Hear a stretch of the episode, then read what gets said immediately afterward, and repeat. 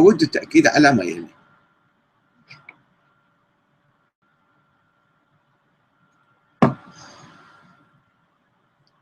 إن منهج البدري في البحث والتفكير والنقاش يقوم على التفسير الباطني والتأويل التعسفي.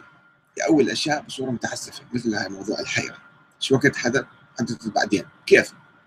والتأويل التعسفي والانتقاء المزاجي. ينتقي أشياء تعجبه وأشياء ما تعجبه ما يقول. والافتراض الوهمي يفترض أشياء وهميات. والتقليد الساذج يقلد ناس آخرين. كانوا علماءنا مشايخنا مثلا السابقون كذا وكذا فإحنا نأخذ كلامهم. فهذا تقليد ساذج. أنت عالم في الحوزة العلمية لازم تبحث. الحوزة الاميه مو مو ضروري البحث ولا التحقيق ولا التدقيق. أنت تقول أنا عالم ومنتقل من التسنن إلى التشيع. لازم عندك أدلة قوية حتى مثلا أن تؤمن بنظرية جديدة. والاهتمام بالهوامش الجزئية.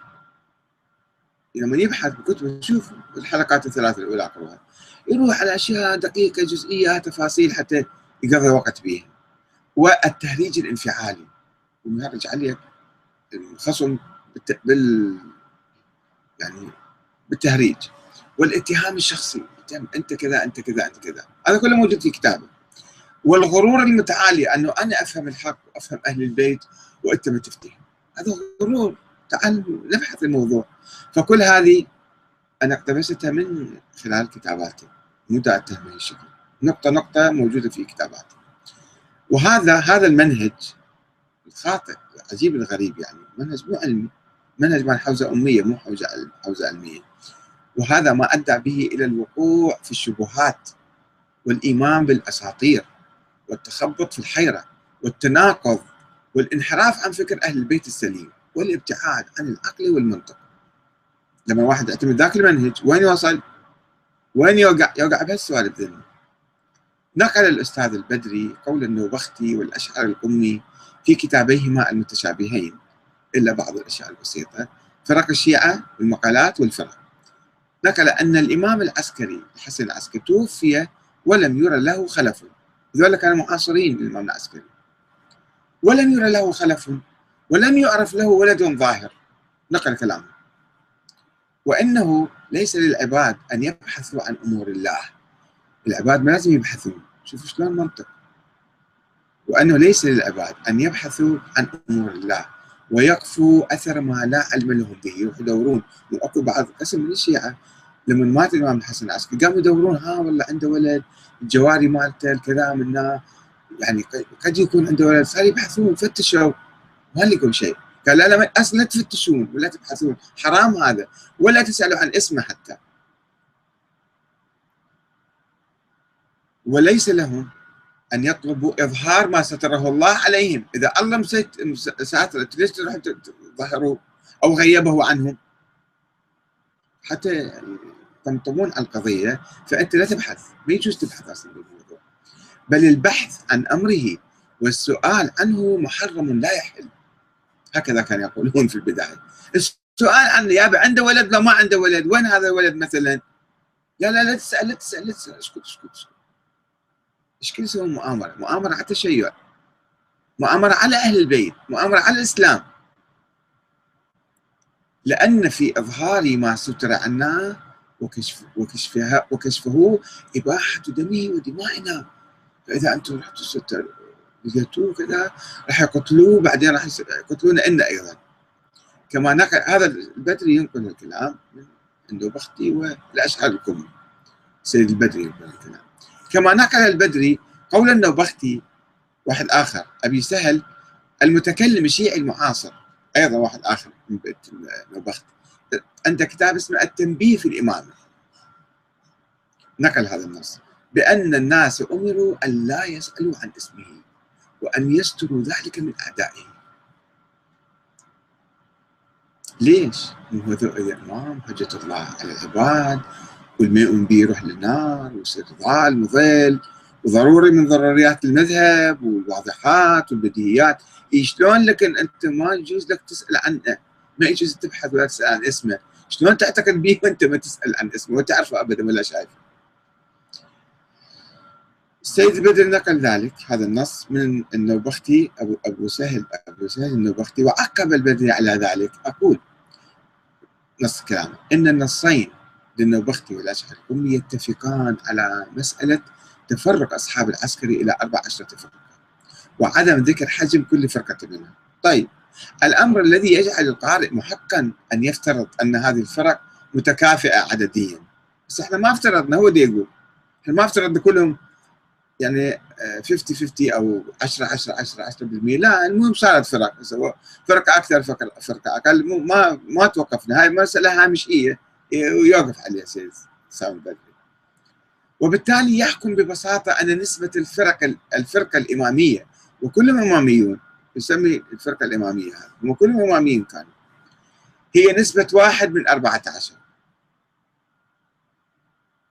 يقول أنتم من حقكم أن تفترضون بشكل أنه آه تحكموا أنه وحده من 14 لا هي مو وحده من 14 وتزداد أهمية وخطورة النتيجة حين نعلم هذا السيد سامي الذي يتكلم. نعلم أن النوبختي والأشعري القمي هم من علماء الشيعة المعاصرين لفترة الغيبة الصغرى. كلامهم حجه اثنين علماء كبار يشهدون وعلماء آخرين أيضا بعد معهم. ويضيف البدري مما لا شك فيه أن قسما كبيرا من الشيعة عاشوا حيرة شاملة حين بلغهم خبر انقطاع النيابة الخاصة. شوف شلون لعب الكلام. أضاف من عنده في شيء إضافي يعني. الحيرة وقعت في الغيبة لأنه الإمام العسكري ما قال عندي ولد فصارت حيرة. مو لأنه غابوا النواب الأربعة يجي يلخبط المسألة. وهذا منطق مو علمي يعني. أه حين بلغهم خبر انقطاع النيابة الخاصة بعد وفاة النائب, الرابع. من يقول الكلام؟ من عندك انت قاعد تضيفه حيث لا يوجد مرجع معين من الإمام المهدي ينهض بأمورهم، ليش هم كانوا ينهضون بأمور الشيعة هذول النواب الأربعة؟ كانوا يصححون في الكتاب الكافي. كانوا يعطون علم للشيعة في ذاك في ذيك الأيام 70 سنة هم استمروا فيها. لو بس كانوا يأخذون فلوس. شنو قادوا الشيعة في ثورة مثلا في نظام سياسي في حكم. كانوا يقولون بولاية الفقيه مثلا. بعد هم هم نواب كانوا يقولون بولاية النواب. ليش ما قالوا بولاية النواب؟ يفترض إنه لا هذول كل شيء سووا زين وتصدى علماء الشيعة في تلك الفترة لرفع الحيرة. سامي البدري يقرأ التاريخ مثل ما يعجبه. يقول وتصدى الشيعة علماء الشيعة في تلك الفترة لرفع الحيرة التي نشأت بسبب ذلك. وكتبوا كتبا خالدة. مثل كتاب الإمامة والتبصرة من الحيرة لعلي بن بابويه الصدوق. زين يا سامي البدري أنت شوف قاعد بيها الآن. تقول الحيرة صارت متى؟ بعد الغيبة بعد انقطاع الغيبة. زين هذا الإمام والتبصرة من الحيرة. أنت تعترف بالكتاب لعلي بن بابويه الصدوق. مو هذا مات سنة 29 329 يعني كتب على الحيرة قبل الانقطاع مو بعد الانقطاع بس فات سامي بدا يلزق في الشيء بسرعة ما ما محقق ما مدقق. ويقول أنا محقق بعدين. آه الذي يقول فيه رأيته. شوفوا هو ينقل نصة من علي بن بابوي ما انتبه شو وقت هذا متوفي. الذي يقول فيه رأيت كثيرا ممن صح عقده. قد أحادته الغيبة وطال عليه الأمد حتى دخلته الوحشة. فجمعت أخبارا تكشف الحيرة هذا علي بن بابويه يريد يحاول يخدع الحيرة فجمع أخبار من هنا وهناك حتى يثبت الإمامة ويثبت وجود الولد. متى؟ في الغيبة الصغرى مو بعدين مو بعد انقطع الغيبة الصغرى. بس شلون دي يعني يركب الكلام السيد سالم حفظه الله. وهدانا وإياه. آه طيب. وكتاب بعد كتاب آخر وكتاب الغيبة للنعماني الذي يقول فيه أما بعد فإنا رأينا طوائف من العصابة المنسوبة إلى التشيع. من يقول بالإمامة قد تفرقت كلمتها وشكوا جميعا إلا القليل في إمام زمانهم. وولي أمرهم وحجة ربهم للمحنة الواقعة بهذه الغيبة وأن الجمهور منهم يقول في الخلف أين هو وأنا يكون وإلى متى يغيب وكم يعيش. لاحظوا كيف؟ هذا الغيبة النعماني هذا في القرن الرابع. توفى سنة 340 هذا. يعني بعد النواب العشرة يقول الشيعة أكثرهم لاحظوا؟ هو السيد سالم بدري حاول يصعد النسب ويزيد من عنده يعني يفترض يتخيل. بس هذا المؤرخ الشيعي المتكلم اللي يكتب عن الغيبة يقول قد تفرقت كلمتها وشكوا جميعا. الشيعة كانوا عندهم عقل ذيك الأيام قالوا شنو هذا؟ وين الإمام هذا الغايب؟